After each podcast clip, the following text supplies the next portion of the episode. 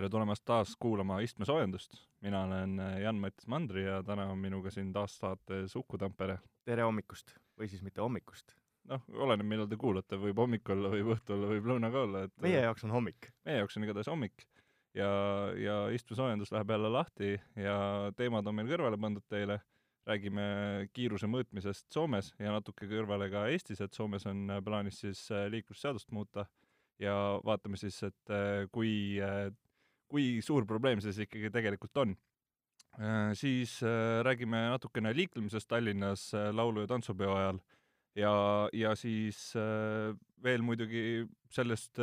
kuumast filmist, mida meil siin filmitakse ja seda, kuidas sinna autojuhte otsiti ja missugune elu see võiks olla. proovisõiduautoks oli sel nädalal Škoda Scala ja Autohäkis äh, saab Uku meile natukene rääkida sellest, et äh, kuidas kahesaja euroga endale kasutatud autot osta ja mis sellest kõigest siis lõppude lõpuks ka saada võiks.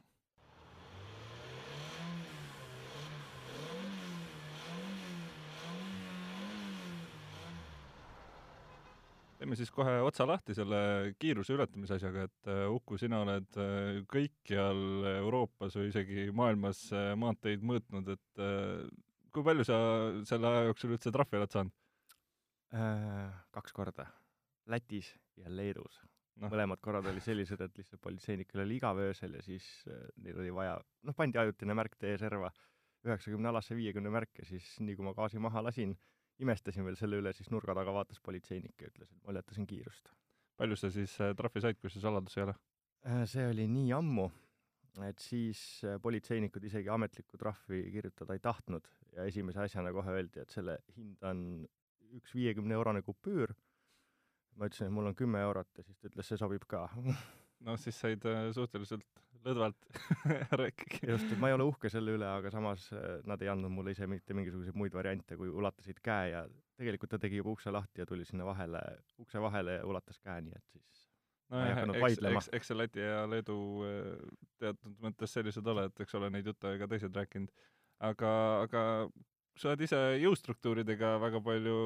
töötanud seal ja, ja kokku puutunud, et äh, oskad seda täpselt rääkida, et missugune see kiiruse ületamise mõõtmise loogika üldse on? võib-olla kõigepealt selle Soome teema sissejuhatuseks, et ma elasin kaks aastat vahepeal Soomes ja see oli ka kaks tuhat üheksa aasta, kui täpselt sama juttu Soomes räägiti et nüüd hakkavad politseinikud hästi karmilt äh, kohe ületama, igasugust kiiruse ületamist äh, trahvima ja puht põhimõtteliselt äh, ei ole mitte midagi uut. see, keegi lihtsalt kuskilt võttis selle pealkirja ja, ja pani sellele suure kaalu ja, ja nüüd justkui oleks nagu mingisugune uus asi. aga kui mõelda täiesti õi-, õigusteoreetiliselt ja üldse nagu puht niisuguse äh, teooria poole pealt, siis äh, tegelikult saab ka täna nii Eestis kui Soomes üks kilomeeter tunnis kiiruse ületamise eest trahvi teha. sest et kui on ette nähtud mingisugune piirkiirus, siis äh, see on reegel, siis kui reeglit eiratakse, siis ongi trahvi tegemise koht ja, ja vahet ei ole, kas see kiiruseületamine on tegelikult üks, kaks, kolm, neli või mis iganes kilomeetrit tunnis, seda on võimalik teha. aga siis sealt edasi tulevad mõistlikkuse põhimõtted ja näiteks selline tehniline fakt, et äh, kiirusemõõturid ei suuda ju ei suuda täpselt nii, mõõta, nii täpselt mõõta, eks, et siis eh, üks faktor on see, et auto spidomeetri täpsus, eh, siis on mõõtemääramatus, et näiteks eh, see sõltub radarist ja mõõtmisviisist, et kui mõõdetakse sõitva auto pealt, on mõõtemääramatus suurem, kui mõõdetakse T-servast, siis on ta seal sõltuvalt radarist kolm-neli kilomeetrit pluss-miinus, ja see tähendabki seda, et see üks selline puhver puhver tuleneb juba siis sellest, et on mõõtemääramatus. aga ütleme siis niimoodi, et kui radari mõõtemääramatus on pluss-miinus neli ja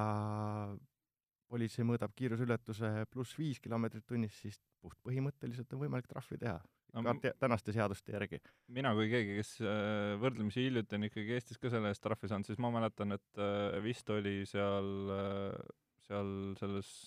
protokollis, mis tehti, oli kirjas, et pluss-miinus seitse on see, mis äh, siis... konkreetselt seal nagu, ilmselt, ilmselt see mõõdeti siis sõitvast autost ilmselt ja teise sõitvast autost, on ju? täpselt nii. aga seal ongi see, et äh, reegel on reegel ja jõustruktuuridel, kui me neid siis niimoodi nimetame, või politseil äh,, lihtsalt äh, ei ole võimalik tegelikult mis iganes seaduse rikkumise eest silma kinni pigistada, noh, kui me räägime jälle sellest õigusteooriast. aga praktikas on siis lisaks selle mõõtemääramatusele veel ka, ongi mõistlikkuse põhimõte ja, ja loomulikult siis ka ressursi mõistlik kasutamine. et äh, kedagi ilmselt ei üllata, et politseil on jõudu tegelikult nagu vähe, eks ju, noh jõudu selles mõttes siis, et inimjõudu ja ressurssi kui sellist. ja, ja see on lihtsalt äh, ebamõistlik kulutada see politsei ressurss mingisuguste selliste pisikeste asjade peale, parem tegeletakse suuremate rikkujatega samal ajal ja see ongi see, miks, miks lihtsalt ei kulutata aega. Aga noh, Soomes on juba tookord, kaks tuhat üheksa, kui sellest esimest korda räägiti, siis mõned said oma need matsud kätte ära, et see on lihtsalt äh, tõenäoliselt, täpselt ei tea, aga tõenäoliselt on lootus panna inimesi rohkem mõtlema ja keskmist kiirust alla tuua, sest et inimesed ikkagi trahvihirmus tegutsevad ja muudavad ennast. Rääkides äh, nendest Soome trahvidest, siis äh, see, see info, mis Soome meediast tuli, mida ma ise ka lugesin, siis seal oli kirjas, et ühe kuni kümne kilomeetri ületamise puhul võib juba määrata on ju sada eurot. aga kas Soomes ei ole mitte trahvid sõltuvad sissetulekust, et need nagu eksponentsiaalselt kasvavad vastavalt sellele, kui palju sa nagu aastas tulu saad? peaks olema küll nii jah, et siin alles mõned aastad tagasi raputas meediat üks uudis, kuidas üks Soome miljonär sõitis väga vähe ületas kiirust, äkki oli mingi viisteist, viisteist, kakskümmend kilomeetrit tunnis ja siis maksis selle eest äh, sadu tuhandeid eurosid trahvi, et see on, äh, see peaks nii olema jah, aga et nii täpselt ma ei ole nüüd kursis, miks see näide sinna toodi, et võib-olla siis on alates sellest mm. -hmm. et ilmselt see on mingisugune niisugune põhitrahvimäär äh,. siis äh, lähme liiklemise juurde, et äh, laulu- ja tantsupidu on tulemas ja meil on siin nagu hunnik teisi asju ka olnud, mille pärast äh, Tallinnas tegelikult liiklus seisab, et kui me võtame teeremondid no,. muidugi vana aja klassikaline teeremont on ju, et kõik äh, need suured arterid, kust linna või linnast välja saab, need muidugi lähevad kõik remonti täpselt sel ajal, kui, äh, kui nagu see sõitmine kõige suurem on äkki saabki huumoriga suhtuda, et tegelikult on inimesi lihtsalt harjutatud kogu selle liikluse sulgemisega juba mõnda aega, et paneme võimalikult palju teid kinni, siis inimesed harjuvad sellega no siis on nagu vist terve Eesti teeremondi äh, see niisugune äh, filosoofia seal taga on, on, ongi rajatud selle peale, et meil on laulu- ja tantsupeod iga nelja aasta tagant, et siis meil on ikkagi vaja nagu kõik kinni panna. ja siis ja... kord kümne aasta jooksul võib tulla ka Teneti filmivõtted, et ja, siis ja sel-, selle jaoks harjutati ka ilmselgelt, et äh, mis, mis, mis siin öelda tahaks, muidugi noh, tuleb kasutada talupojamõistust, ega see ei ole siin, see ei ole midagi keerulist. Äh, kui, kui linnas on äh, noh, siin, siin on äh, see kaart, kus on näidatud, mis meil kinni on ja, ja põhimõtteliselt on kuuendal juulil siis terve kesklinn kinni hommikust saadik. Ja, ja täpselt samamoodi on mingid piirangud juba seal Kalevi keskstaadioni ümbruses, kus tantsupidu toimub ja, ja Narva maantee on kinni, ehk siis, ehk põhimõtteliselt kõik äh, Tallinna kesklinn on, on nagu selle kuuenda juuli kella üheksast kuni kella kuueni kinni. Äh, Kaarli puiestee, Vabaduse väljak, äh, kõik, kõik seal ümbruses, Pärnu maantee, et noh, see on ju ilmselge, kui, kui, kui sa vaatad, kui sa vaatad, et terve kesklinn on kinni, siis mida sa teed, sa ei lähe ju sinna autoga sõitma, vaid sa jätad auto kuhugi kaugemale ja leiad mingid muud vahendid, et siin, kui me talvel tegime neid talveteemasid, siis äh, me küsisimegi äh, Delfi portaalis, mäletad, olid need äh, küsimused, siis me küsisimegi, et kas inimesed planeerivad oma teekonda ette. ja, ja sealt tuli välja, et ainult umbes kolmandik, kui ma nüüd päris õigesti mäletan, et aga no ühesõnaga vähesed planeerivad teekonda ette, aga kõige parem nõu siinkohal võib-olla olekski see, et enne kui autorooli hüppad, siis tee lahti interneedus ja vaata erinevate liikluspiirangute kohta ja siis mõtle kaks korda et kas ikka on vaja täna autoga minna? ma ütleks, et siin ei ole vaja isegi interneedust lahti teha, et äh, noh, laulu- ja tantsupidu toob põhimõtteliselt nagu ka-, kaks kolmandikku Eestist siia Tallinnasse, et äh, see liikluskoormus on nagu uskumatult suur. ma mõtlesin kuidagi natuke pehmem olla, vaata, et, et ei käse inimestel, aga ei, tegelikult no, see... tahaks küll kõigile öelda, et ära, võta seda autot. noh, häid variante on ju tegelikult palju, on ju, et äh, oleneb muidugi ilmast, kui ilm on ilus, siis saab äh,, saab jalutada, saab äh, elektritõukeratastega sõita, mis on väga hea variant, et kui sa tahad tõesti pargid kuhugi kesklinna või kuskile sinna kaugemale, siis tegelikult saab põhimõtteliselt kogu äh, linnapiiri raames ikkagi enam-vähem nagu hakkama ja, ja muidugi on taksod ja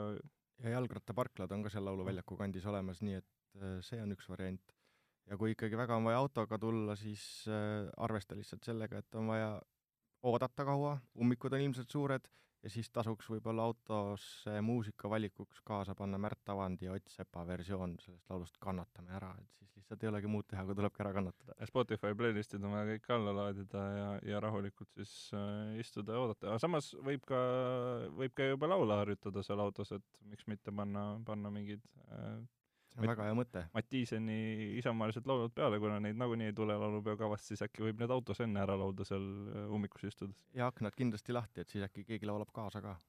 rääkides siis autos istumisest äh,, räägiks ka sellest Teneti võtetest, mida me siin juba põgusalt puudutasime, et äh,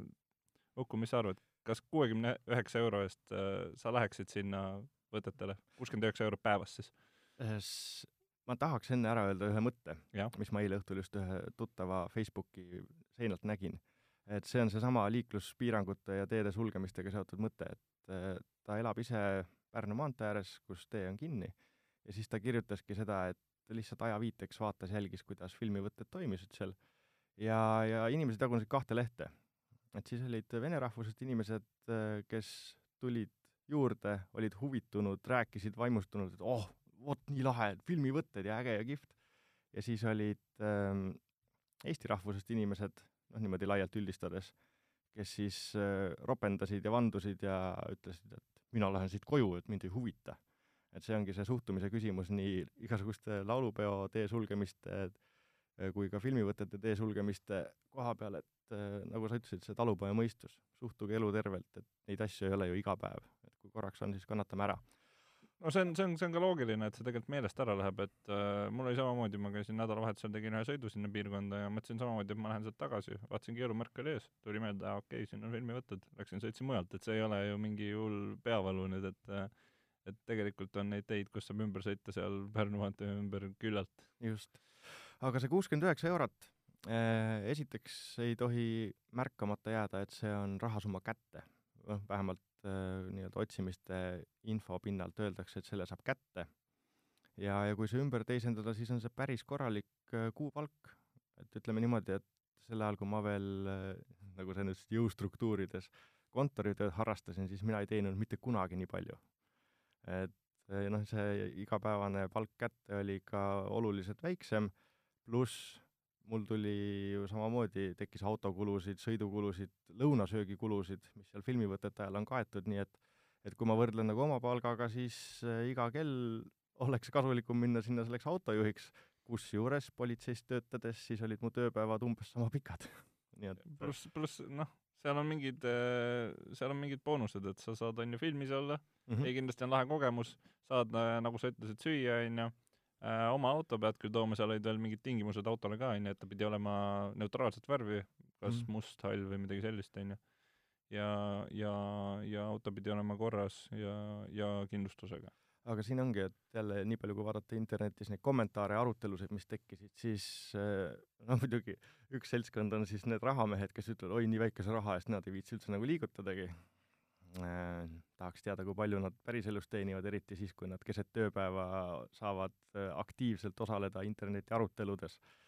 ja siis teine asi on see, et kuna ma olen äh, neid vipp-vedusid äh, teinud, see on natukene sarnase iseloomuga selles mõttes, et ma mõtlen just nii-öelda aktiivset kasutust,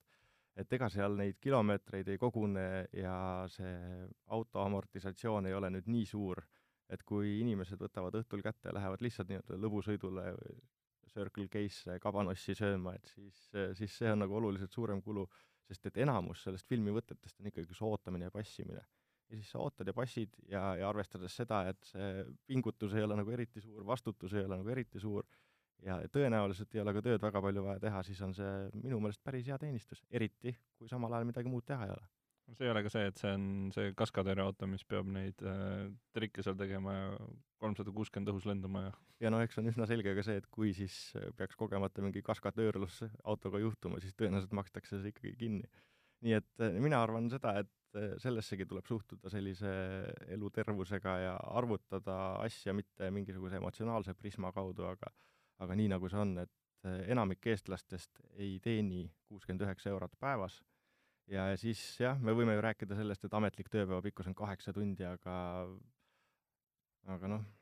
ma arvan, et äh, suurem osa inimestest töötab ikka oluliselt rohkem kui see kaheksa tundi päevas ja, ja jällegi see, mis ma mainisin, et et selliste tööde iseloom on ikkagi üsna palju ootamine. Ja kui sa saad veel süüa tasuta, saad vaadata, kuidas filmivõtted käivad, see on, minu meelest on see kihvt, tuleb suhtuda selliselt, et on äge variant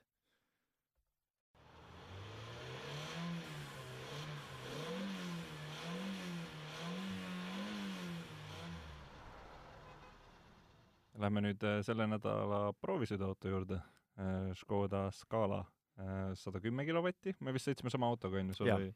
et sa tegid sellega tuuri vist Tallinnast Rakverre tagasi, kui ma õigesti mäletan, on ju? et Tallinnast Rakverre tagasi jah, sõitsin rongiga võidu. see oli peamine sõit. Ja, ja siis loomulikult veel linna peal sellist tavalist olmet sai ka natukene proovitud.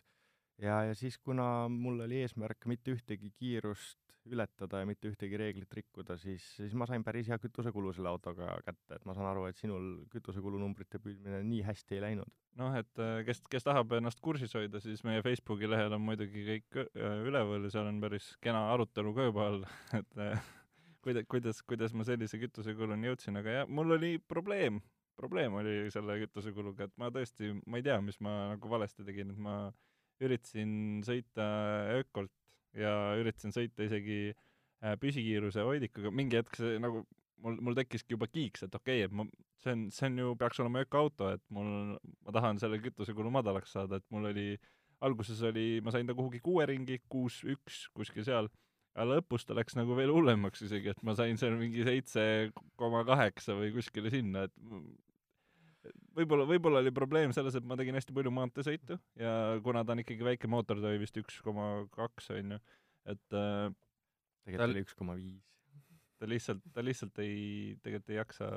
seda niimoodi vedada vist, et ma, ma tundsin ka seda ja nägin, seal on, seal on see Eco märk, on ju, et kui kui sa sõidad nagu ökonoomselt, siis tuleb sinna äh, näidikuplokki tuleb see Eco märk, aga aga ma ei, ma ei sõitnud nagu kordagi ökonoomselt, isegi siis, kui mul püsikiiruse hoidik peal oli. seal on valulävi, on see üheksakümmend kilomeetrit tunnis, et kui kuni kiirusteni üheksakümmend kilomeetrit tunnis ühtlasel sõidul, siis ta lülitab kaks silindrit välja ja sealt, nii palju kui ma jälgisin, siis kukub kütusekulust niisugune äh, pool kuni liiter hetkekulust kukub maha sel hetkel, kui ta kaks silindrit välja lülitab. aga kui sõita näiteks saja kümne alas, saja kümnega või siis hoida eestlaslikult äh, pluss kümme ehk siis sajaga sõita, siis äh, ilmselt on need koormused nii suured, et siis ta enam ei hakka seda kahte silindrit äh, välja lülitama ja sealt tuleb mingisugune vahe sisse. aga, aga selles osas ma olen sinuga nõus, et äh, minu jaoks oli ül-, samamoodi üllatavalt raske sellega väikest kütusekulu kätte saada. Tallinn-Rakvere, Tallinn oli viis koma seitse sajale. aga selleks pidi päris palju pingutama ja siin on üks niisugune huvitav asi ka, et ähm, paljud inimesed arvavad, et püsikiirushoidjaga sõitmine on ökonoomne. et noh, enamike juhtide puhul see on, aga selleks, et väikest kütusekulu püüda, siis äh, oskuslik juht tegelikult sõidab oluliselt ökonoomsemalt ilma püsikiirushoidjata. et noh, hästi hea näide on tuua aastate tagant, kui ma oma kaubikule lasin püsikiirushoidja peale panna. Äh, mul Tallinnast Inglismaale sõidukiirus kasvas äh, väga palju, sest et noh, ise sõites siis võib-olla kiirus pika distantsi peal vajub natukene ära ja sõidad mingites kohtades aeglasemalt, kiirus kasvas aga kütusekulu kasvas ka. et kui ma ise sõidan, siis ma jälgin maapinna reljeefi ja kasutan võib-olla ära mingisuguseid äh, erinevaid asju ja lasen gaasi varem maha. Äh, et siis on võimalik ilma püsikiirushoidjata ki-, ökonoomsemalt sõita. aga selle skaala puhul oli jah, see huvitav lugu, et äh, ma olen harjunud nüüd proovisõiduautodega püüdma just väikest kütusekulu ja, ja ma nüüd ei ole päris kindel, kas äkki see on juba nii kaasaegne mootor, et tal need heitgaaside nõuded on pannud peale mingisuguseid äh, lisa heitgaaside puhasteid, sest et on ju rahi-, sahistatud, vabandan, ma natukene olen selles mõttes tehniliselt praegu ette valmistamata siin, aga, aga siin lihtsalt, kui nagu teoretiseerida ja mõelda, mis need võimalused võivad olla, siis äh, on ju räägitud, et ka bensiinimootoriga autodele tulevad äh, kübemefiltrid peale. Ja, ja ma ei imestaks, kui Škoda Scala, olles nii uus mudel, siis juba on sellise seadmega ja kui selline seade küljes on, see on see iroonia ja paradoks ühel ajal, et eh, selleks, et saada puhtamaid heitgaase, põletame rohkem kütust, et eh, see võib olla täitsa see asi. Äh, mis sa üldiselt äh, skaalast arvad, et ta on, on ju põhimõtteliselt äh, asendus Rapidile äh,, vahetab Rapidi välja seal mudeli valikus, ehk siis ta jääb sinna äh, Fabia ja Octavia vahele. et äh, mis sa arvad sellest autost üldse, noh, mudeli nagu sellisena, kas ta on, kas ta on mõistlik mudel? mina ütlen, et äh, suuruse poolest Golf, mis Golf, et kui Octavia on Golfist natukene suurem, kuigi peaks olema samas klassis, ja siis, siis Scala on igas mõttes Golf. ja, ja esimene emotsioon oli see, et et ma pole ammu olnud noh, sellise klassi, sellise hinnaklassi ja sellise klassi masinas, mis tunduks nii kvaliteetne. just selles mõttes, et kuskilt miski ei nagisenud ja tal ka sõi-, sõidumüra sõitjate ruumis oli teiste samalaadsetega võrreldes nagu üsna väike. nii et mul oli selline premium tunne oli tegelikult seal autos istudes mm,. Noh, ma ei saa loomulikult võrrelda Volvodega, millega me siin enne sõitnud oleme ja nii edasi, see on omaette kategooria ja omaette hinnaklass, aga, aga justkui sama hinnaklassiga võrrelda, siis ta tundus nagu natukene tihedam ma just mõtlesin selle hinnaklassi peale ja tegelikult see proovisõidu auto hind, ma vaatasin, seal oli väike voldik, on ju, kakskümmend kaks tuhat. See on päris, ma ütleks, et soolane hind auto eest, millel tegelikult ei ole kliimaautomaatikat näiteks ja, ja paljusid teisi asju, mis äh, elu nagu väga palju mugavamaks teevad. selles osas ma olen sinuga täiesti nõus, et kui me võtame siia kõrvale Kiia Ceedi mm,, sina vist ei ole küll Kiia Ceedi uue mudeliga sõitnud, siis sa pead varsti sõitma et, et ütleme niimoodi, et Kiia Ceed on sama suurusklass äh, ja kahekümne kahe tuhande eest saab ikkagi juba sellise varustuse, kus on äh, LED-tuled, klaaskatus, äh, nahksisu ja kõik niisugused asjad, et minu arust on, on, on probleem on see, et seal vist ei saagi nagu ülespoole, et sa reaalselt ei saa seda varustust, sest et ma mäletan, mu emal oli Rapid mingi niisugune viis aastat tagasi, siis kui Rapid tuli põhimõtteliselt, siis ta sai selle äh, ja, ja seal oli täpselt sama asi, et kliimaautomaatikat ei olnud, muidu oli nagu auto oli samamoodi täiesti normaalses varustuses, aga, aga kliimaautomaatika oli puudu. et äh, ma ei tea, kas see on nagu mingi konkreetselt äh, just nende odavamate mudelite värk äh, Škodal, et nad ei panegi seda sinna või et see ei olegi nagu mingi variant? see on üks huvitav asi, mida uurida, et Rapidiga, eelmise Rapidiga oli muidugi see, et ta oligi nii-öelda jõuga odav auto, mis tähendab seda, et ta mitte lihtsalt ei olnud hinnanumbri poolest, aga kas või, kas või plekid olid natukene õhemad ja materjalid olid kehvemad ja plastmassisemad, et et sellised, paljudel automudelitel ongi olnud neid nii-öelda säästumudeleid. Ja säästumudel, see, see ei tähenda nüüd seda, et saad sama palju autot odavama raha eest, et seal ongi keeratud nii kvaliteeti kui materjali ja kõike niisugust alla, selle selle võrra ta odavam oligi. aga nojah, Scala selles mõttes tundub olema äh, püüd teha see odav auto endiselt või asendada siis see odav auto Rapid, aga see odavus on sealt nagu pealt ära raputatud, sest et ta on muutunud nagu tavaliseks autoks, nii et mina ütleks seda, et ta ei ole enam see Rapid, mida me mäletama pidime, et ta on see odav auto ja sa saad hästi hea hinnaga, aga ta platseerub lihtsalt suuruselt siis äh, täpselt sinna Fabia ja Octavia vahele. ma, ma ei saagi nagu sellest aru, et äh, noh äh,, mina olen tegelikult, mul on peres olnud Škodad, ma ei tea, kui kaua, reaalselt nagu Feliciast saadik põhimõtteliselt, ehk siis Felicia on üks mu lemmikautosid. ehk siis Felicia äh,, siis seal oli veel üks Felicia, Fabia äh,, Octaviaid on olnud erinevaid äh,, Superb, põhimõtteliselt kogu nagu tavaautode mudelivalik, seesama Rapid on ju, millest ma rääkisin, ehk siis mul on nagu kogemust on Škodaga tegelikult ikka väga-väga-väga palju, et äh, sõitma õppisin Škoda peal ja esimesed äh, sõidud olid kõik Škodade peal, nii et noh, ja nüüd on sul lihtsalt natuke kallima märgiga Škoda on endal. no ma ütleks, et, äh, et sama raha eest äh,, kuna mul ema just, ma ei tea, paar aastat tagasi ostis endale uue Octavia, mm. siis mm mina ostaks sama raha eest Octavia, ma ütlen ausalt, et äh, see on ikkagi suurem auto, ta on kusjuures kütusekulu on enam-vähem samasse auku, tal küll võimsust ei ole nii palju kui sellel konkreetsel mudelil oli, on ju, et see oli, see oli ka põhimõtteliselt see maksimaalne võimsus, mis sealt nagu välja tuli. Et äh, aga, aga nad teevad ju neid väiksemaid mootoreid ka, mis on veel säästlikumad, et äh, kui ma õigesti mäletan, siis see konkreetne Octavia on kaheksakümmend kaheksa kilovatti ja, ja sõidab ilusti kütusekuluks mingi viis-viis.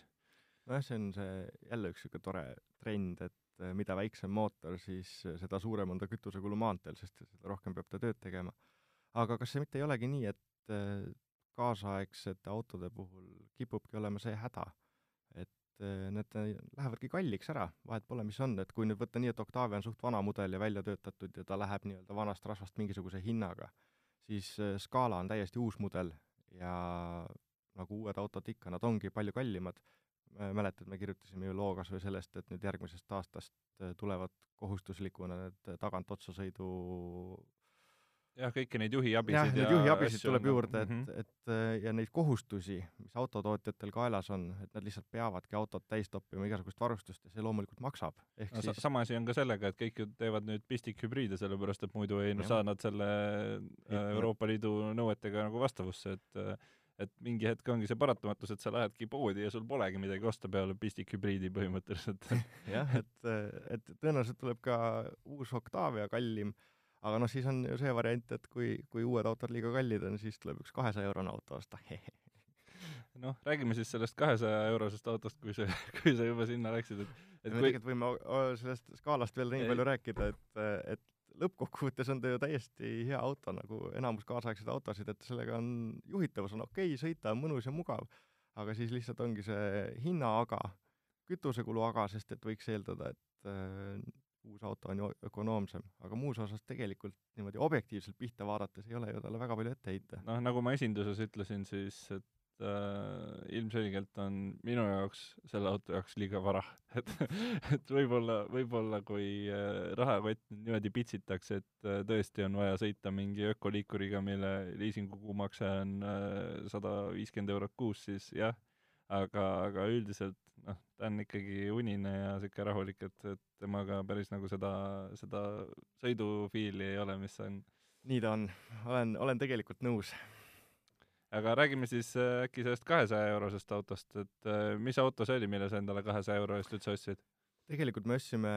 Punase sekundi tehnoseisukorra saate jaoks oli vaja, oli vaja ohvrit ja siis, äh, ja siis oli, otsisime autot panin kuulutuse, et meil on eelarve on viissada eurot, et tahaks osta ühe auto, mis on võimeline sõitma ise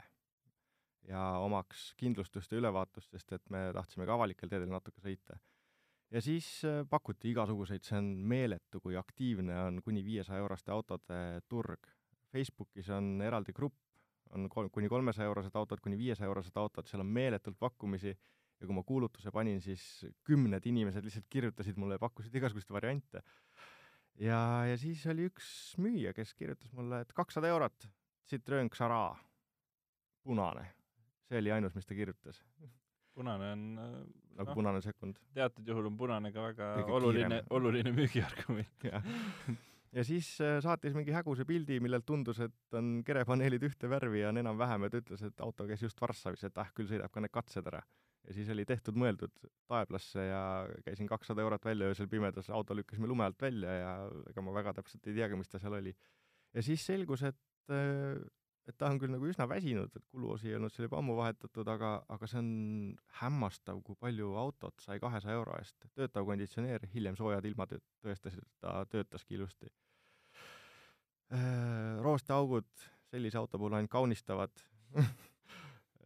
poolteli otsad olid läbi, roolilatt oli läbi, tagasild oli natukene lääpas, summuti lõrises, kõik oli õline ja nii edasi, aga ta sõitis. ma sõitsin lõppkokkuvõttes üle viiesaja kilomeetri selle autoga maha ja need olid ühed mu viimaste aastate õnnelikumad kilomeetrid, ma pean tunnistama. ega te pulli pärast äh, seda ei teinud, et oleks tast äh, õli välja lasknud, et oleks vaadanud, missugune see on ja missugune me, see filter on ja me mõtlesime selle peale korraks, aa sa mõtled, et õli välja ja siis sõita või? ei, ma mõtlen, et lihtsalt vaadata, milline see nagu õli seal sees välja näeb, et ma kujutan ette, see oleks ka nagu omaette vaatamisväärsus olnud, et ma ei kuna õlivalgus äh,, tähendab, õli oli hästi must ja ta oli juba nii vedel, et seal oli no ütleme nii, et see õli oli, oleks võinud ammu vahetada, eks, et, et siis see oli nagu selge, seda me eraldi tegema ei hakanud. küll aga me viisime selle auto ülevaatusele et eh, noh, ise ma olin tuvastanud kõik need rattalaagrid ja roolilatid ja muud siuksed asjad, aga siis kõige suurem üllatus tabaski mind ülevaatusel, et kui me oleks sellele autole hoolduse ära teinud, ehk siis õli ära vahetanud, summutis selle ühe augu kinni pingutanud, sest see tuli klambri vahelt, ja, ja siis äh, käsipiduri trossi ära õlitanud ja roosteaugud millegagi nagu kinni toppinud, siis oleks ta ülevaatuselt läbi läinud. et see oli tegelikult nii vähe, mis selleks vaja oli ja põhiline kaalukauss oli, või kaalukeel oligi siis see, et tal olid lihtsalt äh, põhja all meeletult suured roosteaugud. noh, Eesti, Eestis need soolased talvised teed, siis seal lihtsalt ei ole mitte midagi parata, isegi mõne aasta vanused autod roostetavad juba põhja alt. ja kui uuena ostetud autole kohe roostetõrjet ei tee, siis ei ole parata. Äh, eelmised omanikud olid neid roosteauke juba Makroflexiga täitnud ja eelmise ülevaatuse ilmselt siis sellega ära petnud. Ja kindlasti oleks saanud niisugust pakasuhat teha ka sellega, et vana Makroflex välja ja siis midagi natukene tugevamat vahele ja kergelt mastiksid peale ja on hästi, eks. aga noh, küsimus ongi selles, et kas sellel asjal on kõigil on mõtet, äh, et nii käest ära lastud autot tegelikult ikkagi ei ole enam mõtet üles putitada, ma lõin kergelt kokku, et umbes kaks pool tuhat eurot ja siis oleks olnud kõik ta vead likvideeritud ja oleks olnud igati sõidetav auto, aga see on juba kaheteistkordne auto turuväärtus. Kahe, täpselt, kaheteistkordne auto turuväärtus ja siis lõppkokkuvõttes sõidad sa ikkagi selle autoga, mil, millel on põhi nii mäda, et kui sealt mäda koha kõrvalt, ütleme nii, et paned tungraua natukene valesse kohta viis sentimeetrit edasi, mitte sinna serva alla, ja siis sa tõstad selle tungraua endale juba sinna kõrvalistuja või juhi jalgade alla, et et see on ju ennekõike turvalisuse risk. No ja aga noh, lõppkokkuvõttes ma arvan, et võib öelda, et niisuguse autoga, see on suhtumise küsimus. kui suhtudagi autosse nii, et sellel konkreetselt Citroenil oli ülevaatust veel kuni juuli lõpuni, me ostsime ta jaanuaris, et siis äh, tegelikult oleks võinud sellega sõita ka sinna juuli lõpuni, ilma et mitte midagi oleks teinud ja sellisel juhul mitte üks elektriauto ei püüa nii väikseid kilomeetri hindasid. sest et nagu hiljem äh, metalli kokkuostus välja tuli, siis oli tal paak kütust täis, et kuigi seier näitas sinna punast põlevat tuld ja ma tankisin talle aeg-ajalt viie liitri kaupa juurde, siis, siis sealt tuli välja peaaegu nelikümmend liitrit kütust, mis tähendab seda, et äh, näidik valetas ja me saime selle auto täispaagiga ilmselt, et et noh, ütleme nii, et see täispaak maksab juba pool auto hinnast, eks ole. no vot, ühesõnaga kasutatud autot tasub ka kahesaja euro eest osta küll, et sealt äh, võib täitsa leida midagi, kus on autot küll ja veel. aga noh, siis peab olema see väike soolikas, et sa oskad ise võib-olla midagi parandada, kui poole tee peal midagi katki läheb ja noh, ilmselt Eurotripile sellega minna ei julgeks. ja ennekõike tuleb mõelda selle peale, et kui nii palju roostes autoga avariisse sattuda, et mis need tagajärjed on, sest et noh, see ongi turvalisuse küsimus, turvalisuse ja kindluse küsimus, aga kui on soolikas ja tahtmine eksperimenteerida, siis võib leida pärleid kahesaja euroste autode turult. aitäh kuulamast äh, seekordset saadet ja veel ütleme nii palju, et äh, nüüd läheme me mõneks ajaks suvepuhkusele ja tagasi tuleme ilmselt äh, augusti või septembrikuus. ja kannatlikku meelt kõigi nende teetööde ja liiklussulgemistega liiklemisel